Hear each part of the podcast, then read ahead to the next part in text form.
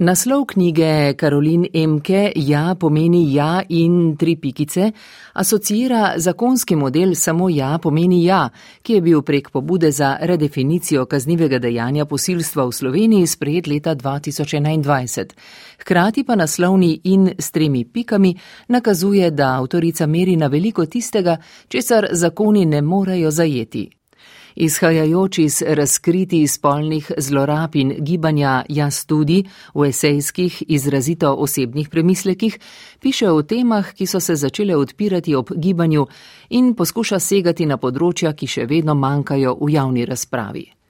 V fragmentiranih zapisih, med drugim tudi o avtoričinih izkušnjah, premišljuje o užitku in spolnosti, pa o moči in hierarhizaciji zatiran, pri čemer jasno piše tudi o svojih dvomih in nevednosti.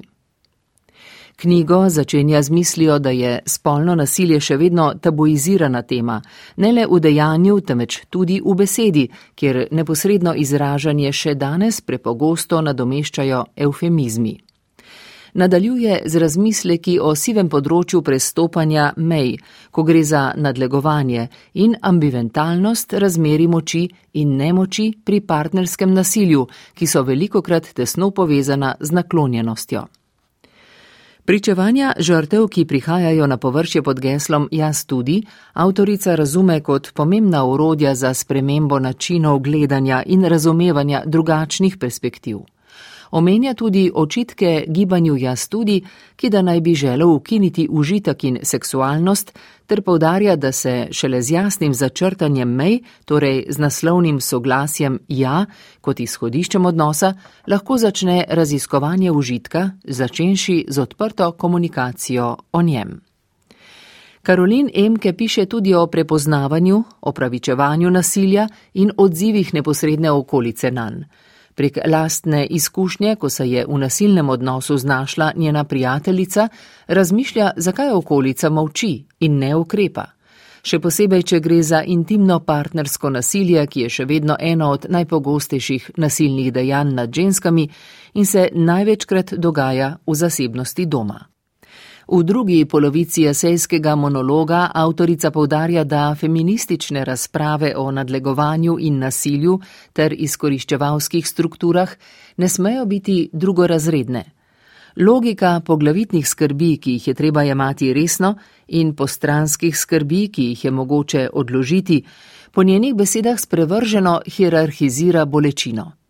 Usporedno razmišljanje o raznovrstnih zatiranjih je tako po njenem nujno potrebno.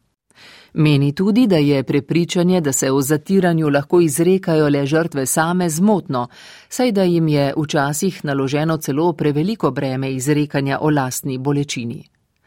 Zakaj se ne bi smeli belci kritično izreči o strukturnem rasizmu, heteroseksualci o homofobiji, ateisti o verski svobodi, moški o seksizmu? Sama to celo pričakujem od njih, piše in dodaja, da žrtev ne gre omejevati s tem, da govorimo v njihovem imenu, temveč jim je treba omogočiti prostor, da to, če želijo, storijo same. Karolin Emke v knjigi Ja pomeni ja in tri pikice išče načine, ki bi nam kot družbi omogočili postopne korake naprej na omenjenih področjih ti pa je, moramo napredovati in iskati orodja, s katerimi lahko preuprašamo svoje prakse in prepričanja, piše. Prav takšna pa je tudi knjiga, ki premišlja, poizkuša in se pri tem, kar je izredno pomembno, ne boji lastnih dvomov in morebitnih napak.